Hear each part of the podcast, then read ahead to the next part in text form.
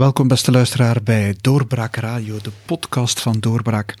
Ik ben Pieter Bouwens, hoofdredacteur en uw gastheer. En uw gastheer is deze keer niet David Geens, maar David Geens is onze gast.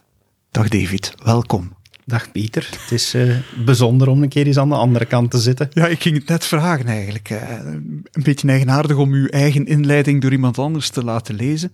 Maar, maar goed, um, we zijn hier in een gloednieuwe kerk jij bent niet alleen podcastmaker van Doorbraak, maar ook communicatiedirecteur, communicatieverantwoordelijke van de kerk van Jezus Christus van de Heilige van de laatste dagen. Dat klopt, ja. Um, en gloed, nieuwe kerk. Wie bouwt dat nog? Jullie. Was dat zo dringend nodig? Dringend, ja en nee. Deze plannen die bestonden al lange tijd. Eh, we waren al tien jaar aan het hopen op een nieuw kerkgebouw, omdat we met onze gemeenschap, wat we de wijk Gent noemen, en die beslaat het grootste deel van eh, Oost- en West-Vlaanderen, eigenlijk beide provincies behalve het stuk rond Sint-Niklaas, um, waren we uh, gehuisvest in een gebouw dat eigenlijk gewoon een kantoorgebouw was. Dus dat straalde weinig uit. Daar waren praktische problemen. En dan hoop je natuurlijk wel op echt een kerkgebouw te hebben. Maar er werd altijd gezegd, ja, daar moet je voldoende groot voor zijn. We gaan geen gebouw neerplanten en daar geld aan besteden wanneer uh, je nog een kleine gemeenschap bent. Maar we groeien, uh, niet met de spectaculaire cijfers van tientallen per jaar, maar we hebben toch uh, ieder jaar consequent een aantal mensen die zich bekeren en lid worden van onze kerk. Dus ook in onze lokale wijk. En zo zijn we gegroeid en hebben we een paar jaar geleden dan het verlossend antwoord gekregen van Salt Lake City, waar onze hoofdzetel is, dat er een kerkgebouw ging neergeplant worden hier in Melle bij Gent. En uh, dat, uh, dat dat dan voor ons bestemd was. Dus uh, daar hebben we enorm naar uitgekeken. En nu sinds een tweetal weken is het helemaal klaar. Het ziet er inderdaad ook nog echt gloednieuw uit. Als je zegt, het komt uit Salt Lake City, wordt de rekening dan ook door Salt Lake, City betaald? Want zo'n gloednieuw gebouw op een redelijk groot stuk grond kost toch geld? Wel, ja, daar kan ik, daar kan ik eigenlijk heel eenvoudig op antwoorden. Moet ik even naar, naar iets grijpen wat in de Bijbel staat. Dat is de wet van Tinde, eh, die reeds aan de, het volk van, van God in vroege tijden werd gegeven en die wij nog altijd volgen. Er wordt dus aan de leden van onze kerk wordt gevraagd om 10% van hun inkomen af te staan aan de kerk. Onze kerk is heel bewust om geen subsidies aan te vragen aan de overheid, uh, leeft dus volledig op de eigen bijdrage. Maar die worden wereldwijd beheerd. Dus van eender waar, welke tinden ook van waar in de wereld, komen in één globale pot terecht. Wordt, uh, wordt dan mhm. weer beheerd door de presiding bishop. Uh, zoals wij die noemen. Uh, onder zijn leiding uh, wordt dat beheerd en worden dus ook alle kosten wereldwijd gedekt. En uit dat potje is natuurlijk ook dit gebouw betaald, want ik kan daar ook heel eerlijk in zijn met de kleine gemeenschap die wij zijn. Als je, als je weet dat wij hier met een, een kleine tweehonderdtal actieve leden zijn in deze wijk, die dat mhm. dan bijna gans Vlaanderen beslaat, ja, dan weet je ook dat dat niet voldoende opbrengt om een gebouw als dit neer te zetten. Um, we zijn met iets meer dan uh, eh, 16 miljoen wereldwijd. Uh, net iets minder dan de helft woont daarvan nog in de Verenigde Staten. Dan weet je ook dat het merendeel van de inkomsten net uit die rijkere uh, deel van, van onze gemeenschap komt en dat er geld overvloeit van, van de Verenigde Staten naar de, naar de werelddelen waar minder geld wordt opgehaald. Nu zullen mensen misschien denken, de kerk van Jezus Christus, van de heilige der laatste dagen, daar heb ik eigenlijk nog nooit van gehoord. Maar als ik dan, nou, dan gaat het over Salt Lake, Salt Lake City in Utah, en dan zeggen de mensen, dat, dat komt me bekend voor. En dan gaat het over de mormonen. Ik las op Facebook een discussie dat blijkbaar niet iedereen van jullie kerk even graag heeft dat jullie mormonen genoemd worden. Wel, even graag het is een bijnaam. Mhm. ja, we hebben die naam Mormonen zeker niet zelf gekozen en het is ontstaan als een scheldnaam. Na een tijd zijn we die gaan beschouwen als een geuzennaam en hebben die ons toegeëigend om het niet meer over te laten aan de mensen die ons ermee zwart wilden maken. Nu, van waar komt die naam? Dat is ook heel simpel uit te leggen. Wij geloven in de Bijbel, Oude Testament, Nieuwe Testament, maar onze kerk is gesticht in 1830 in de Verenigde Staten. En wij geloven dat het een herstelde kerk is. Dat het dus een, een kerk is die door Christus opnieuw opgericht is, omdat zijn oorspronkelijke kerk, zoals hij die had opgericht, dat die verloren is gegaan na de dood van de apostelen. En dat we dus ja, bijna 2000 jaar zonder, uh, zonder zijn kerk geleefd hebben. Die herstelling is gebeurd door openbaring aan onze eerste profeet van, van deze bedeling, Joseph Smith, uh, een jonge Amerikaan. En die heeft uh, als deel van die herstelling heeft hij ook een, een aantal platen gekregen waarop de geschiedenis gegraveerd stond van een volk uit Amerika. Joden die uit het beloofde land eh, een paar honderden jaren voor de komst van Christus gevlucht zijn voor de om de vernietiging van Jeruzalem te vermijden en die in Amerika zijn beland. En die kroniek, eh, die door de eeuwen heen is opgeschreven door profeten in het oude Amerika, die is uiteindelijk samengevat door uh, eveneens een profeet, Mormon. En die heeft dus het boek van Mormon geschreven. En de profeet Joseph Smith heeft die oude tekst uh, vertaald naar het Engels. En dat is dus het boek van Mormon. En vandaar komt dan ook onze bijnaam Mormonen, omdat er werd gezegd van ja, uh, jullie aanbidden Mormon, jullie zijn geen christenen. Waarom hechten wij dan belang aan de juiste naam, de kerk van Jezus Christus van de Heilige der Laatste Dagen. Dat is omdat wij aanbidden geen mormon, wij aanbidden ook niet de profeet Joseph Smith, wij aanbidden God, de Hemelse Vader, en wij aanbidden Jezus Christus. En het is zijn kerk, en we willen dus dat die aandacht niet verloren geraakt.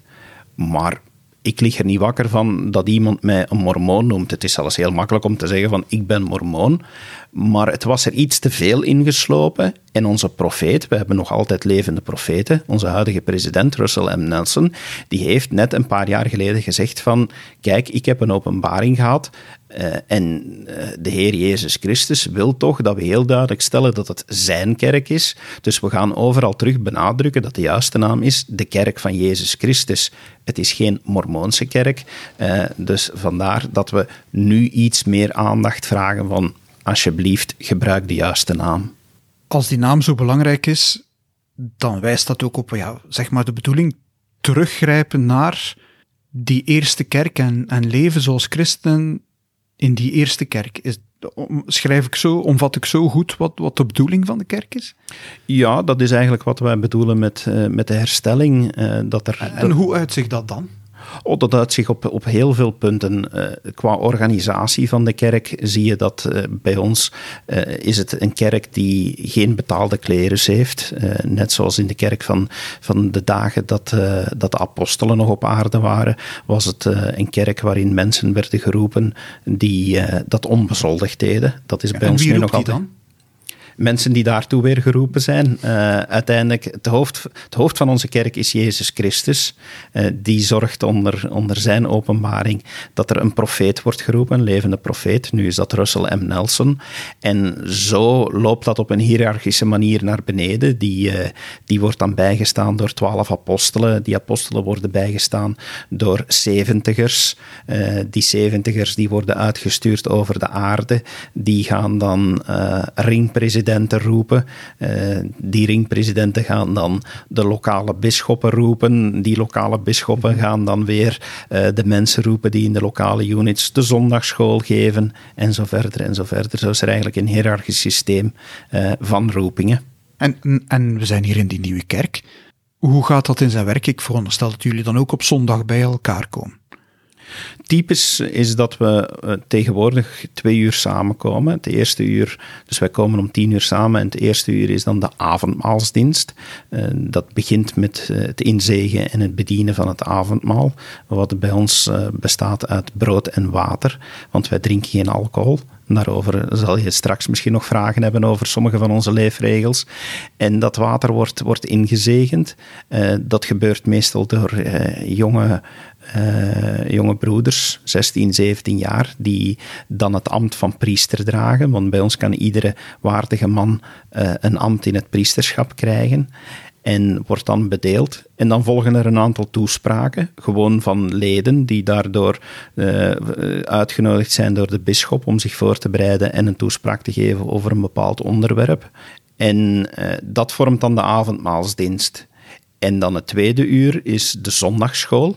En die wordt eh, gegeven, opgedeeld per leeftijdscategorie. Want uh, ja, je gaat dan bijbelonderricht of, of schriftuurstudie uh, gaan geven. Of bepaalde toespraken van onze leiders gaan bestuderen. Maar ja, dat leg je aan een driejarige anders uit dan je dat aan een, mm -hmm. aan een vijftigjarige uitlegt. Dus dat is opgedeeld in uh, verschillende leeftijdscategorieën.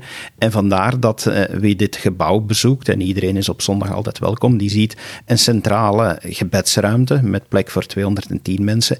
En daar rond heel wat uh, leslokalen, uh, die dus ingericht zijn. Sommige voor kinderen, sommige voor tieners, andere voor volwassenen. Je had het daarnet over uh, ja, roepingen. Als mensen het over mormonen hebben, dan, dan denken ze aan twee jonge mensen op de fiets in een, in een kostuum, die zeg maar ja, vanuit Amerika gekomen zijn om, om hier hun blijde boodschap te verkondigen. Is dat inderdaad nog altijd zo? Zendelingen die vanuit de Verenigde Staten komen om hier ja, mensen te bekeren? Ja en nee. Uh, ik ga het antwoord nuanceren van in die zin, ze zijn niet alleen uit de Verenigde Staten, ze komen mm -hmm. van wereldwijd. Het is dus zo dat het voor jonge mannen van 18 jaar deel uitmaakt van hun priesterschapsplicht om twee jaar op zending te gaan. Meisjes mogen worden gevraagd, maar is het geen verplichting? Wordt het, wordt het niet als een verplichting gezien en zij gaan dan een anderhalf jaar op zending?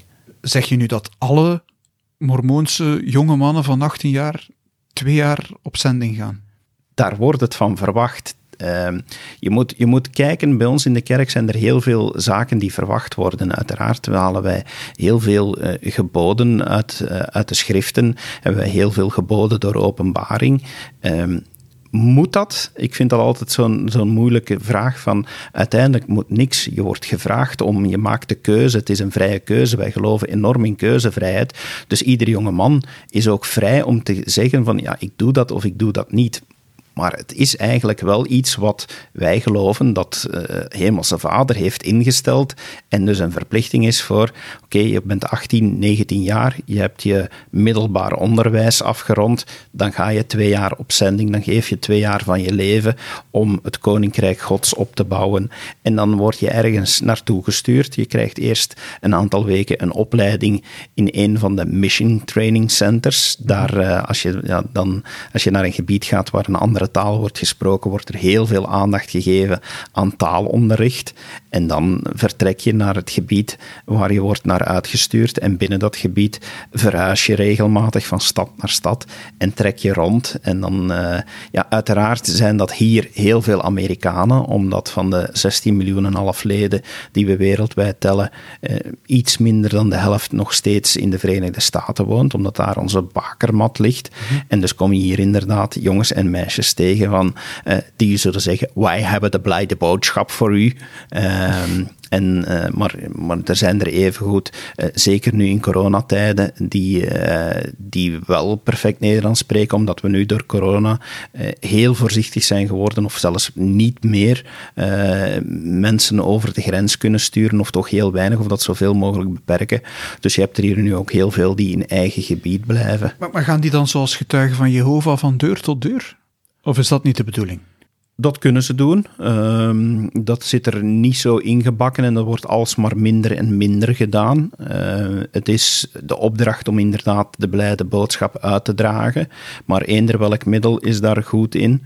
En ik ben daar zelf heel nauw in betrokken geweest en pionier geweest en, en verschillende dingen kunnen uitproberen voor onze kerk.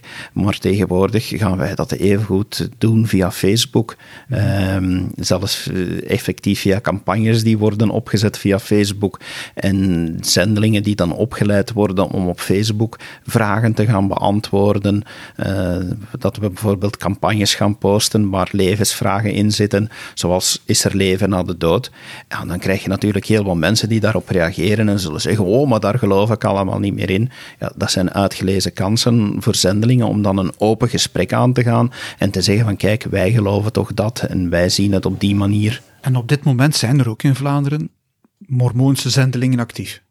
Ja, het zendingsgebied hier is hier eh, Nederland-België, maar in werkelijkheid Nederland en Vlaanderen. Dus het mhm. Nederlandse taalgebied is één zendingsgebied. En ik schat dat er nu ongeveer zo'n 120, 130 zendelingen in dat gebied actief zijn. Dat varieert doorheen de tijd, afhankelijk van hoeveel mensen zich, zich aanmelden. Dat hebben er al sommige periodes meer dan 150 geweest. Uh, maar ja, er zijn er dus constant actief.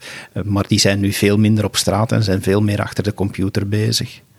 Jullie worden hier op zondagmorgen op, uh, op water en brood gezet, terwijl ja, alle andere christenen in de wereld, denk ik, doen het met water en wijn. Jullie drinken geen alcohol. Zijn er zo nog ja, voorschriften die, die het anders maken om, om mormoon te zijn dan om, om, om anders christen te zijn? We hebben nog van die eigenaardigheden van het gerust zo. Van, uh, ja, we hebben... Uh, dat horen journalisten graag, eigenaardigheden. Ja, wel het is, het is dus zo, ik, ik vermeldde het al, van wij geloven in levende profeten. Wij, wij mhm. geloven niet dat uh, onze hemelse vader 2000 jaar geleden heeft besloten om zijn klep te houden en ons in de steek te laten. Dus wij geloven nog altijd dat Christus openbaring geeft aan de profeten die onze kerk leidt. En een van die openbaringen die er geweest zijn in het begin van onze kerk, is uh, wat wij het woord van wijsheid noemen. En dat is een gezondheidswet waarin een aantal regels worden gesteld. Bijvoorbeeld, en er zullen tegenwoordig mensen zijn die dat, dat heel graag horen, dat we zuinig moeten zijn met het eten van vlees staat daar even goed in. Maar daar staat ook in dat we geen tabak mogen gebruiken. En dan moet je weten dat dat uitgevaardigd is, dat woord van wijsheid, in een periode dat nog werd gedacht dat tabak gezond was. Mm maar zo staat er ook in dat we geen alcohol gebruiken, dat we geen koffie of thee drinken, dat we drugs zullen vermijden.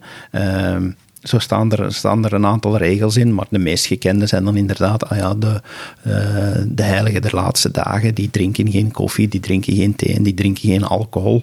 En dus hebben we dat ook inderdaad doorgetrokken naar het avondmaal en hebben we het symbool uh, van wijn, want daar staat het nog altijd symbool voor, voor het mhm. laatste avondmaal van Christus. Maar bij ons is dat dan de facto water.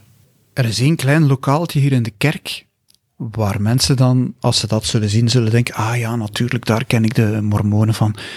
De mormonen zitten op een ongelooflijke verzameling data, waar het gaat over ja, voorouders, genealogie. Um, waarom eigenlijk? waarom, ja, ik zou bijna zeggen, gaan die obsessief data verzamelen? De theologische verklaring daarachter is heel simpel. Wij geloven in eeuwige families je merkt dat ook al heel goed uh, om, om dat toch te benadrukken. En ik vind dat een van de mooiste dingen. Uh, ik zeg altijd van, als er maar één ding waar zou zijn in onze kerk, dan hoop ik dat het dit ding is en dan is het het eeuwig huwelijk. Als wij trouwen, dan wordt er heel uitdrukkelijk in de gelofte in de tempel gezegd, voor tijd en eeuwigheid en niet tot de dood ons scheidt. Dus wij geloven in eeuwige verbanden. Wij geloven dat er een uh, voorsterfelijk bestaan was, dat we hier nu op aarde zijn om te kunnen groeien, als een soort van test ook, en dat we nadien verder gaan, maar dat we dat doen als familie. Die banden, ja, als je als familie, als gezin, ja, dan, dan, dan zeg je van ja, maar een gezin, een familie stopt niet bij je kinderen, want uiteindelijk die kinderen gaan ooit ook trouwen en dan hebben die ook, dus dat is één grote ketting. En we vinden het dan ook heel belangrijk om die ketting te kunnen herstellen. En daar zit ook een, zekere logica in. Als wij geloven dat het uh, belangrijk is om uh, bepaalde uh, rituelen uit te voeren, om gedoopt te zijn, om het, de evangelie van Jezus Christus te kennen, dan zou het toch maar zonde zijn, om, om dat woord te gebruiken, dat er heel wat mensen zijn die die kans nooit gekregen hebben ja, die nooit van Christus hebben gehoord, die nooit uh, zendelingen over de vloer hebben gehad. Dus wij geloven dat het ook onze taak is om de mensen die nu in, in het volgende deel van hun leven zijn, om die de kans te geven. Die krijgen daar onderricht, maar eh, die moeten ook gedoopt worden, want dat staat nu eenmaal in de Bijbel. Zelfs Christus is gedoopt geweest. Eh, als christen geloof je dat, dat de doop eh, echt een strikte voorwaarde is om verder te kunnen gaan. En dus hebben wij ook zoiets als het dopen voor de doden dat is ook iets wat dat, uh, vaak geassocieerd wordt met onze kerk. En dan en vinden dat veel mensen luguber. Maar de logica is daar gewoon in van, ja, maar waarom zouden wij dat ritueel uh, weghouden van degenen die de kans niet hebben gehad en die nu inmiddels in het hiernamaals ontdekken uh, dat Christus werkelijk bestaat. En die dan zeggen van, Dang het, we hebben, we hebben dat ritueel nooit gehad. Dus wij gaan dat in hun plaats doen. Het is plaatsvervangend dopen. Maar dan moet je ook al die namen weten. Want dan moet je kunnen zeggen: ik laat mij dopen in naam van. En daar zit je dan meteen met de reden waarom dat wij dat zo belangrijk vinden om onze voorouders te kennen, om die mogelijkheid te hebben om in hun plaats, in onze tempels, die rituelen te ondergaan.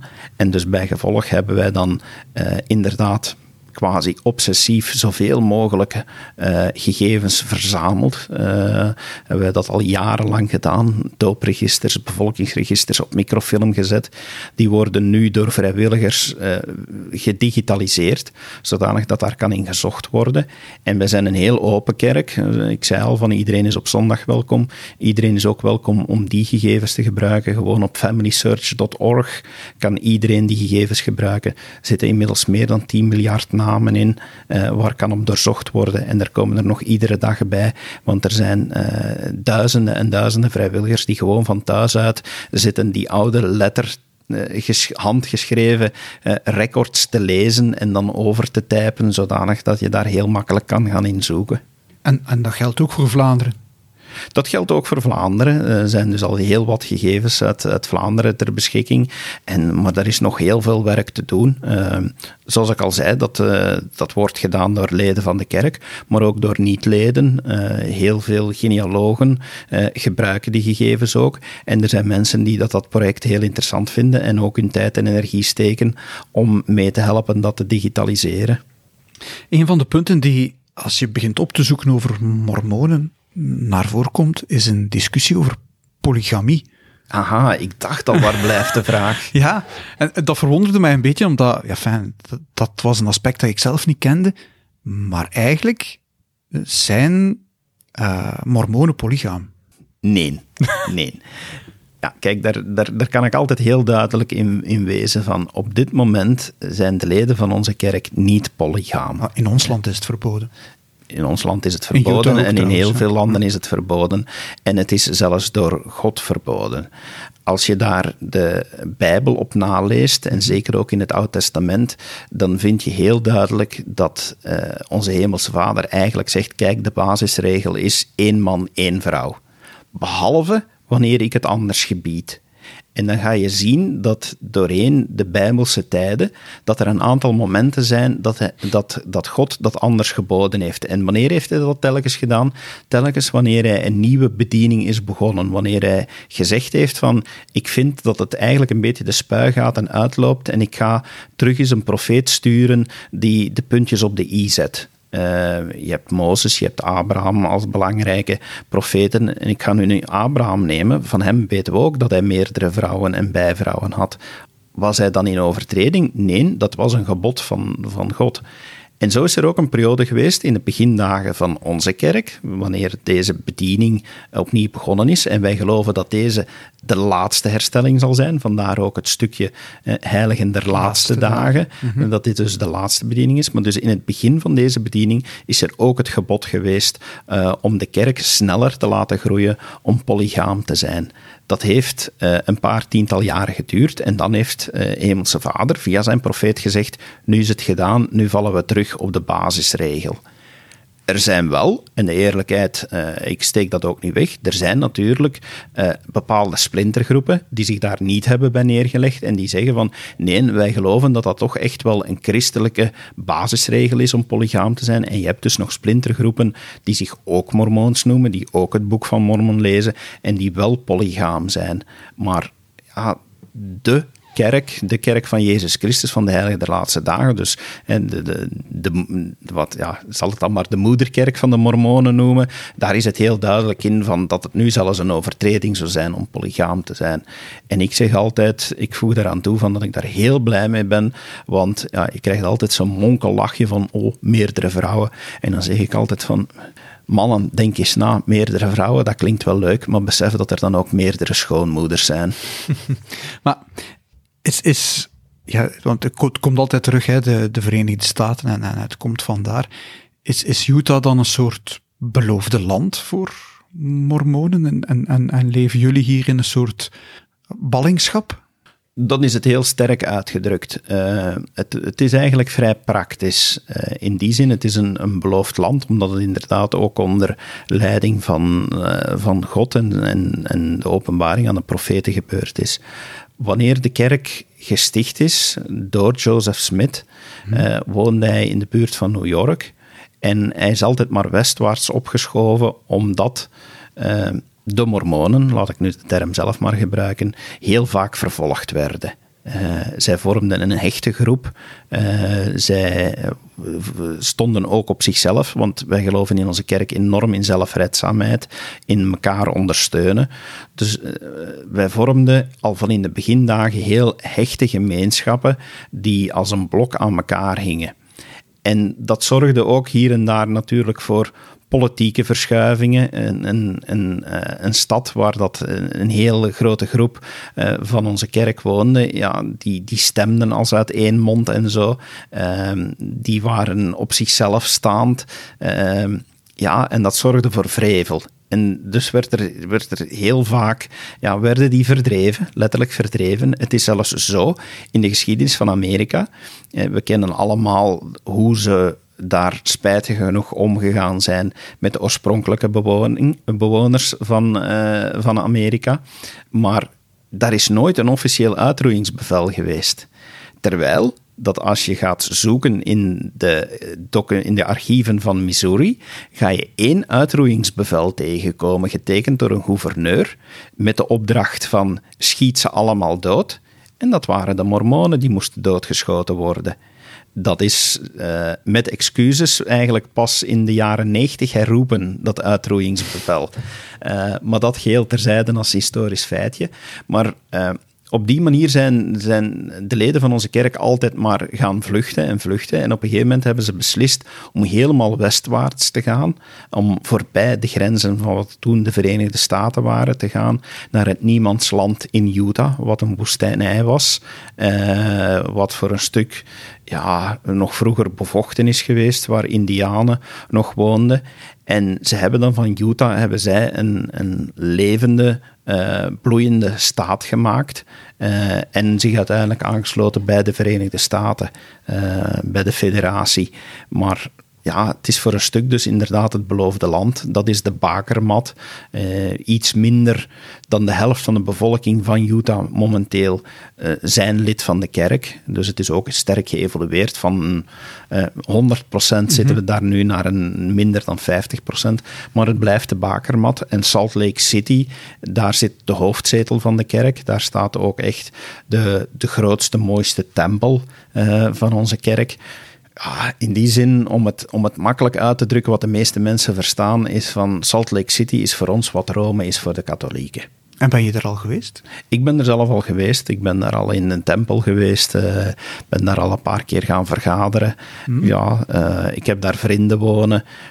Het is daar natuurlijk anders. Hè. Als, je, als je dan in een gemeenschap komt uh, waar dat je geen vreemde e-, eend in de bijt bent, um, dan is het anders. Um, Mensen vragen mij soms eens, zou je daar willen wonen? Dat was mijn volgende vraag. Dat heeft zijn voordelen, want dan, uh, ja, dan moet je je niet constant verdedigen of moet je niet constant uitleggen wie dat je bent en moet je zeker niet constant antwoorden op die vraag of dat je nu meer dan één vrouw hebt. Um, maar langs de andere kant, ik geniet er eigenlijk ook van om, om hier in, in een gebied te wonen waar we een absolute minderheidskerk zijn. Dat heeft ook zijn charmes, want dan ben je niet de, een, de, de, de gewone uh, grijze muis, dan ben je anders. En dan heb je ook de opdracht om echt die zendeling te zijn om te vertellen, zoals ik hier nu doe, om, om over je geloof te vertellen. En dat biedt ook geweldig mooie kansen. Ehm, er is ooit een periode geweest dat iedereen die zich bekeerde tot de kerk werd gevraagd om, om naar Utah te gaan wonen. Tot dan ook weer de openbaring is gekomen en dat men dan beslist heeft van nee, nu gaan we een wereldwijde kerk worden. En ik vind het eigenlijk wel heel leuk om nu mormoon in Vlaanderen te zijn. Hoe zijn de reacties als je daarover vertelt? Als je zegt van ik ben mormoon? Oh ja, fijn. Of ik ben lid van de kerk van... Die zijn heel uiteenlopend. Uh, in de eerste plaats, de meeste reacties zijn hetzelfde als iemand die zegt van ik ben katholiek of zelfs gewoonweg ik ben gelovig of ik geloof in Jezus Christus. De meeste mensen zullen reageren op het feit van dat je nog zegt dat je, dat je gelooft in Jezus Christus en dat je je leven daarop inricht. Ja, dat, dat is sowieso al een minderheid tegenwoordig als je zegt dat je gelovig bent. Als je dan nog zegt dat je van een strekking bent die, die heel weinig gekend is of maar om bepaalde punten gekend is, zoals bijvoorbeeld de veelwijverij, ja, dan krijg je daar vragen over. Maar ik heb ondervonden dat door daar heel open en eerlijk over te zijn en daar en gewoonweg te zeggen van kijk, je kan mij niet beledigen, uh, dat, je, dat je dan gewoonlijk heel snel respect gaat hebben. En dat heeft ook te maken, ik ben nu zelf iets meer dan negen jaar lid van deze kerk. Ik heb daar bewust voor gekozen als volwassene. En om tientallen redenen, maar bijvoorbeeld een van de redenen was, en dat vond ik toch heel sterk, dat in de basisgeloofsartikelen van onze kerk staat van wij eisen respect voor de manier waarop wij geloven, maar wij geven datzelfde respect aan een ieder ander voor de manier waarop hij of zij gelooft of niet gelooft. En dat vind ik dan toch maar heel sterk. Ergens zeg je als kerk altijd van ja, uiteraard geloven wij dat wij de juiste, mhm. enige ware kerk zijn. Maar als je tegelijk kan zeggen van, maar net omdat we dat geloven, willen we op goede voet staan met iedereen, of ze nu geloven of niet. Ja, wij hebben een ongelooflijk geluk gevonden en we willen dat geluk heel graag delen met u en we zullen er met plezier over vertellen. Maar als jij zegt van nee, hoeft niet, ik heb daar niks aan, dan zeggen wij fijn, ja, we zijn allemaal kinderen. Wij geloven dat we allemaal kinderen zijn van hemelse ouders. Dus waarom zouden we disrespect gaan betonen voor iemand die op een andere manier gelooft of die niet gelooft? We zijn toch broeders en zusters. David, bedankt voor de rondleiding. Bedankt voor de uitleg over uh, de kerk van Jezus Christus, van de heilige van de laatste dagen. Ik zal me inhouden om nog mormonen te zeggen. Uh, en u, beste luisteraar, bedankt voor het luisteren naar deze podcast. En u weet, er komen er nog, dus graag groeten wij u opnieuw. Tot een volgende keer. Dit was een episode van Doorbraak Radio, de podcast van doorbraak.be. Volg onze podcast op doorbraak.be/slash radio of via Apple Podcasts, Overcast of Spotify. Bezoek ook onze website op doorbraak.be en steun ons door een vriend te worden van Doorbraak.